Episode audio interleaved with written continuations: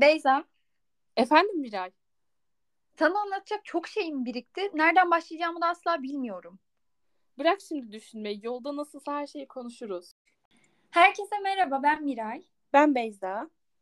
Bugün tam 21. haftamızdayız. Konumuz yetersizlik hissi ve yanında imposter sendromu.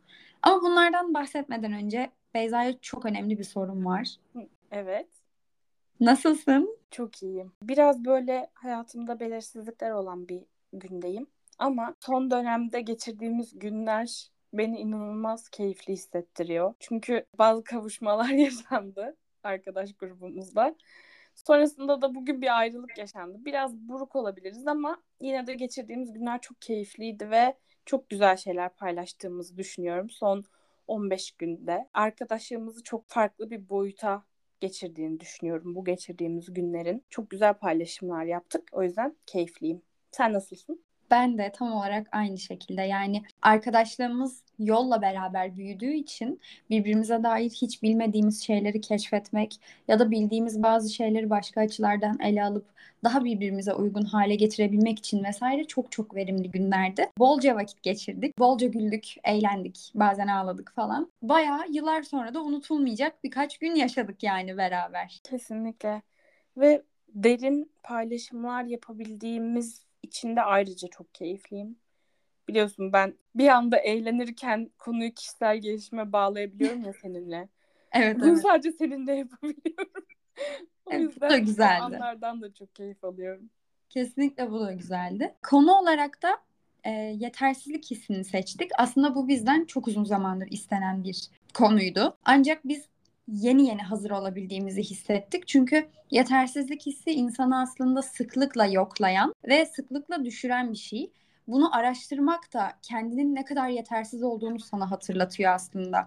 Gerçekten bazen podcast'e hazırlanmak, podcast'i çekmekten çok daha zor. Çünkü kendi içindeki o sorgulara bir dur diyemeden objektif bakamıyorsun. O dur deme noktasına ancak gelebildiğim için kendi adıma bölümün araştırmasını güzel yapabildiğimi düşünüyorum.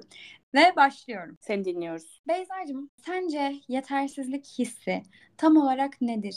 Ve kendini en yetersiz hissettiğin alan nedir yani senin hayatında? Yetersizlik hissi bence benim içine düştüğüm kadarıyla şu şekilde tanımlayabilirim. Böyle uzanıp bir şeyi tutamayacağın kadar güçsüz hissetmek. Yani aslında yapabilirsin, biliyorsun bunu. Ama öyle bir inandırılmışsın ya da bir yerde kendin buna inanmayı öyle bir seçmişsin ki sanki kolunda hiç kuvvet yok ve o şeye uzanıp alamayacakmış gibi hissetmek. Onun dışında da hayatımda en yetersiz hissettiğim alan benim galiba romantik ilişkiler diyebilirim. Hmm, biraz derin bir cevap oldu. Bunu beklemiyordum. Ben de beklemiyordum. Aslında bu yoktu. içinden mi geldi?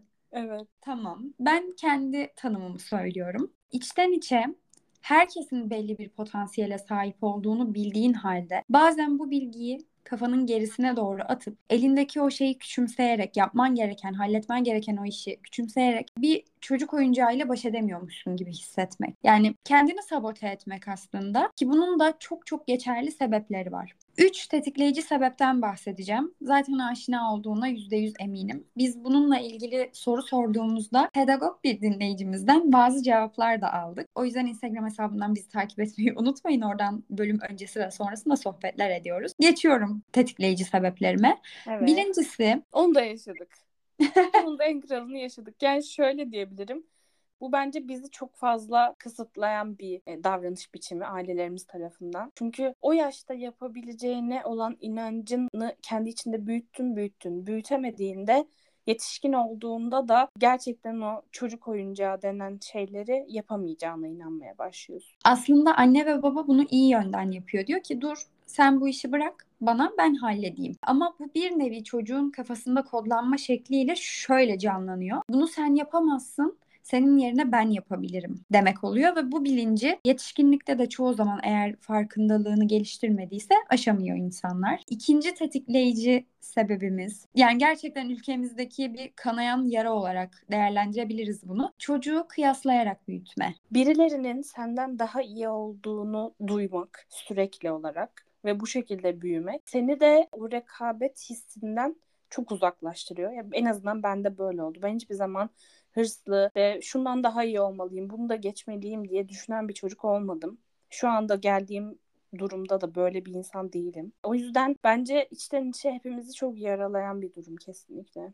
Bazı şeyleri zaten baştan kaybetmişsin gibi hissettiriyor değil mi? Evet. Yani zaten o bir yerlere varmış. Ben şimdi yola çıksam onun olduğu yere ne zaman varırım diye düşünüp hep bir şeyleri erteleme isteği yaratıyor bende mesela. Aynen öyle. Ben şimdi küçüklüğüme indiğimde kıyaslandığım kişiyi duysan şokun şaşar ve şokunu şaşırtmak için şimdi sana bunu söyleyeceğim. Beni küçüklüğüm boyunca kıyasladıkları kişi benden tam 12 yaş büyük olan kuzenimdi. 12 yaş mı? 12 yaş. Ya şöyle düşün. Şu an bugün mesela o kuzeninle alakalı evlenmiş ve 12 yaşında çocuğu olabilecek biri. Tam Yani- olarak öyle.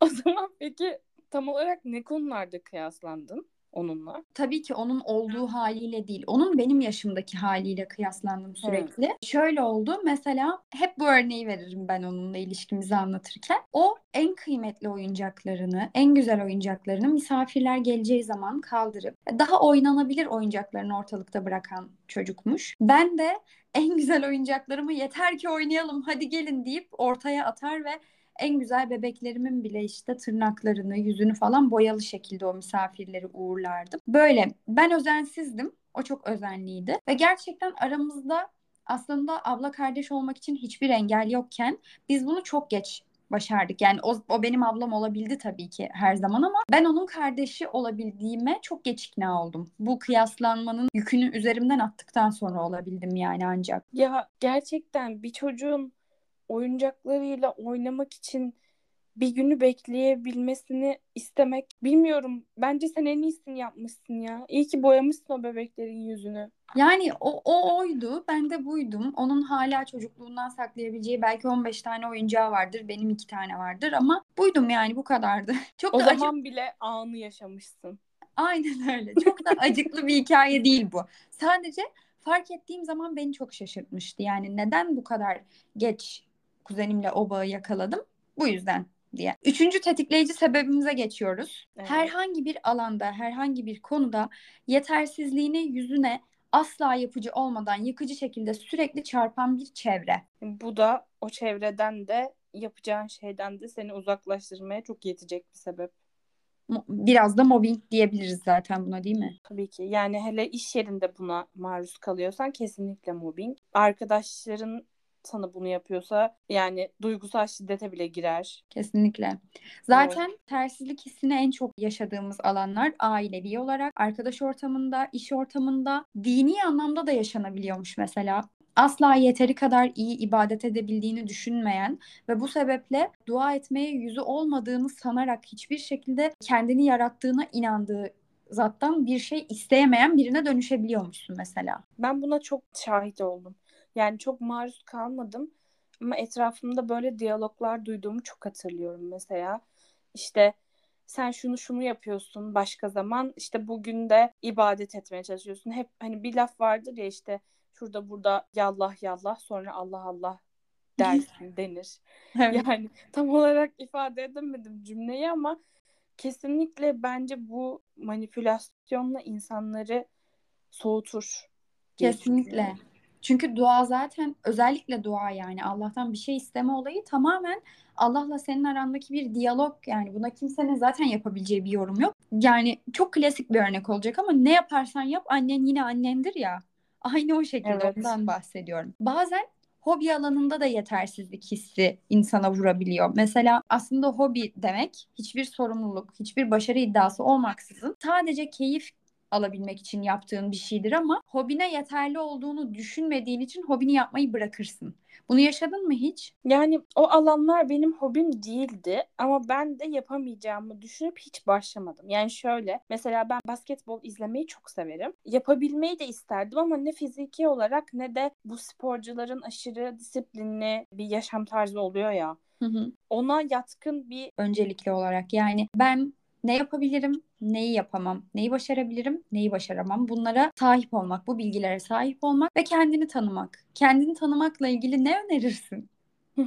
Kendini tanımakla ilgili kendini tanımaya giriş bölümümüzü öneririm. Çok güzel bir bölüm kendisi. Herkese tavsiye ediyorum. Geçmiş bölümlerimizde dinlemediyseniz, ilk defa bu bölümü dinliyorsanız geçmiş bölümlerimizi de göz atabilirsiniz. Aynen öyle. E, bu arada bu tetikleyicilere maruz kaldıktan sonra artık büyüdün ve bir yetişkin oldun. Ben artık onay bekleyen biri değilim. Ben artık kendi değerimi kendim biçebilirim. Kendi yeteneklerime kendim karar verebilirim. Takdir edilmediğin gibi kendini de takdir edemiyorsun. Yani çok fazla kıyaslandığın ya da çok fazla eleştirildiğin bir ortamda bunu zaten yapamayacak gibi hissetmek normal. Senin söylediğin tetikleyicileri sürekli eğer hayatımızda yaşıyorsak. Ama bunun içinden çıkabilmemiz için bazı alışkanlıklarımızı kırmamız gerektiğini düşünüyorum ben de. Olumlu ya da olumsuz nasıl gözükürse gözüksün bazı kabullenişler konfor alanınızdır. Yani ben bunu zaten yapamıyorumlar. Bazen konfor alanına kaçmaktır ve konfor alanı insanı daima durdurur. Yani daima bir adım ileriye gitmenizi aslında engeller. Bu yüzden bazen hiç denemediğiniz o şeyi denemeniz, bazen hiç gitmediğiniz o yere gitmeniz, hiç bilmediğiniz o tadı almanız gerekir. Bu yüzden konfor alanlarından da çıkmak konusunda bazı bilişsel seviyelere çıkmamız gerektiğini düşünüyorum. Ve buradan imposter sendromuna bağlamak istiyorum. Bu konuyu araştırdın değil mi? Evet ve araştırırken çok farklı şeyler okudum bununla ilgili. Bu sendroma sahip olan insanlar genelde iş arkadaşlarını bile kandırdıklarını düşünürlermiş. Yani o kadar başarısız ve yetersiz hissediyorlar ki oldukları konumdan bile rahatsız olurlarmış mesela. En basit tabirle şu şekilde anlatabiliriz. Kişinin kendi başarılarını bir tesadüfe bağlayıp içselleştirememesi, bunu kabullenememesi, övgüyü bu sebeple kabul edemeyip eninde sonunda bir gün foyasının ortaya çıkacağını sanması sendromuna deniyor. Yani bir akademisyen olduğunu düşün. Yıllarca öğrencilerin önündesin, dirsek çürüttün. Ama içinde sürekli şu korku var. Bir gün bana öyle bir soru yöneltilecek ki onu asla bilemeyeceğim ve herkes benim yıllardır. Böyle söylediğimde eğer bunu hiç yaşamadıysanız size çok e, uç bir örnek gibi gelebilir. Ama bunu yaşayan yüzlerce insan olduğunu özellikle bu bölüme çalışırken emin oldum. Akademisyen olmak gerçekten benim için çok üst mertebede bir iş. Gerçekten yetişkin olan bir sürü insana kendi uzmanlık alanında bir şey öğretiyorsun ve sen bu konuda yetkili bir kişisin onların gözünde ve kendinde bu yetkiyi bulamamak gerçekten ürkütücü olurdu herhalde ya. Kesinlikle. Ee, zaten şöyle bir durum var. Bunu başka iki bilim insanı farklı bir sendromla açıklıyor aslında açıkladıkları şey bizim halk dilinde cahil cesareti dediğimiz o şey. Yani e, bir şey bilmemenin insanı gerçekten cesarete yaklaştırması durumu. E, doğal olarak bir şey bilmek de cesaretten uzaklaştırıyordur. Ne kadar biliyorsan o kadar tereddütte kalıyorsun. Hatta Russell'ın şöyle bir sözü var. Dünyanın en büyük problemi akılsız ve fanatik kişilerin son derece kendinden emin olması, buna karşılık zeki insanların ise sürekli şüpheler içinde olmasıdır. Yani bir şey biliyorsam o da hiçbir şey bilmediğimdire çok fazla kafa yormuşuz diye düşündüm. Aşırı, aşırı fazla. Bunu kendi hayatımdan şey örneğiyle verebilirim. Bahsetmiştim sana bundan. Kendi sınav senemde beraber aynı arabada sınava gittiğim arkadaşımdan kesinlikle gözle görülür bir şekilde çok daha iyi bir puan almıştım. Ee, daha sonrasında bu konu her konuşulduğunda ben şunu söyledim. O çok çalışmıştı ve bunun stresini yaşıyordu. Bu sebeple ben stressiz olduğum için bu kadar iyi puan yapabildim. Benim stresim olmadığı için, ben çalışmanın yükünün altında olmadığım için, işte sınavın çok kolay bir senesi olduğu için gibi gibi gibi bir sürü sebebim vardı. Ama asla kendim başarılı değildim. Böyle hissediyordum. Ya dışarıdan bu kadar narsist gözüküp içer, bu kadar içten yanmalı olmam da şaşırtıcı olmalı. Ama daha sonra imposter sendromuyla tanıştığımda dedim ki evet bende bundan var. Ve farkındalıkla beraber zaten biraz kırıldı diyebilirim. Ben bu konuyu konuşacağımızı kararlaştırdığımızda hep böyle sanki bizim ülkemizde bu daha yaygın e, bir hismiş gibi düşünüyordum.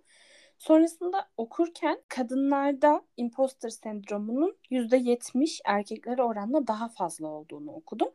Ve bu araştırma Avrupa'daki yayınlanan bir makalenin verisi. Yani Avrupa'daki kadınlar da %70 erkeklere göre daha yetersiz hissediyormuş. Bu galiba evrensel bir sorun. Kesinlikle. Zaten kadınlar evrensel olarak daha çok eleştirildiği ve kendini daha çok kanıtlamak zorunda kaldığı için e, bu çok doğal diye düşünüyorum. Ama daha günlük hayattan örnek vermemiz gerekirse olur ya böyle lisede, ortaokulda falan bir kız ya da bir çocuk vardır. Bu bir baltaya sap olamayacak dersin. O kişi ya ticaretten ya da karşısına çıkan herhangi bir fırsatı, bir riski değerlendirebildiği için sen insanların sana gösterdiği o yolu böyle adım adım takip edip daha yolu çeyreklemişken o kişi yarılamıştır. Ya bunu herkesin en az bir örneği vardır bununla ilgili. O bir baltaya sap olamayacak fikri bence bize kolay geldiğinden. Yani nasılsa hepimiz aynı yerdeyiz ve işte hani maksimum ulaşabileceğimiz başarı herhalde e, eş değer bir yerde olur diye düşündüğümüz için o böyle bir sıçrayarak farklı ve daha başarılı bir yere gidince bize tabii bir şok etkisi yaratır diye düşündüm. Çünkü, Benim de hayatımda çok örnek var bununla alakalı. Çünkü biz bize gösterilen o yolu takip ediyoruz. Daha önce konuştuk ya işte şunu yap, bunu yap, oku, e, çalış, para biriktir, evlen bilmem ne. O yolu takip ettiğimiz ve bilginin bize getirdiği o sorumluluğu, o risk alma korkusunu beraberimizde taşıdığımız için aslında bunu yapamıyoruz. Ya da kesinlikle buna da herkesin hayatında bir örnek vardır. İki insan evlenmeye karar verir ve içten içe şey dersin. Ya tabii Allah mutlu mesut etsin ama nasıl yapacaklar falan dersin. Sonra sen yine o klasik ve bilindik yolu takip etmeye çalıştığın için o kişi yıllar sonrasında belki senin hayal edemeyeceğin kadar iyi bir evlilik, iyi bir ebeveynlik, iyi bir iş vesaire hepsini bir arada yapabiliyorken sen hala olduğun yerdesindir. Öğrenilmiş çaresizliklerimiz bizi konfor alanımızda tutuyor diye düşünüyorum şu an. Ya da e, akıllı düşünürken deli dereyi geçiyor diyoruz. Senin atasözlerinin harikalığı. Yemin ben... ederim söylediğin atasözlerini ilk defa senden duyuyor oluyorum biliyor musun? Ama ben günlük hayatımda bunları gerçekten kullanıyorum. ya toparlamamız gerekirse yetersizlik hissiyle baş edebilmek için İlk önerimiz şu olabilir. Aslında zaten yeterli değiliz. Hiçbir şey için yeterli değiliz. Hiçbir zaman tam anlamıyla yeterli ve yetkin olamayacağız. Bizim olmadığımız gibi kimse de olamayacak. Bu yüzden kıyasların, insanlarla kendini yarıştırmanın ötesinde kalıp ya da gerisinde kalıp hiç fark etmez. Aslında ne kadar yetersiz olduğumuzla yüzleşip daha da zorlamamak lazım. Neyi yapabiliyorsak oralarda biraz da dolanmak lazım. E, ama bunun için önce potansiyelimizi keşfetmemiz ve gerçekten neyi yapabilip yapamadığımızdan emin olmamız lazım. Kesinlikle. Birazcık da kendimize karşı nazik olmamız lazım. Yani her zaman, her gün, yani günün belli bir saatinde bile çok aktif ve çok böyle planlı yaşayabiliyorken sonra bir anda düşebiliyorken bence bu kadar da kendimize yüklenmememiz lazım diye düşünüyorum. Aynen öyle. O zaman bizden bu haftalık bu kadar. Bizi Instagram ve Twitter hesaplarımızdan takip etmeyi unutmayın. Podyolcast kullanıcı adıyla bizi her yerden bulabilirsiniz. Sizi çok seviyoruz. Kendinize iyi bakın. Bye. Bye.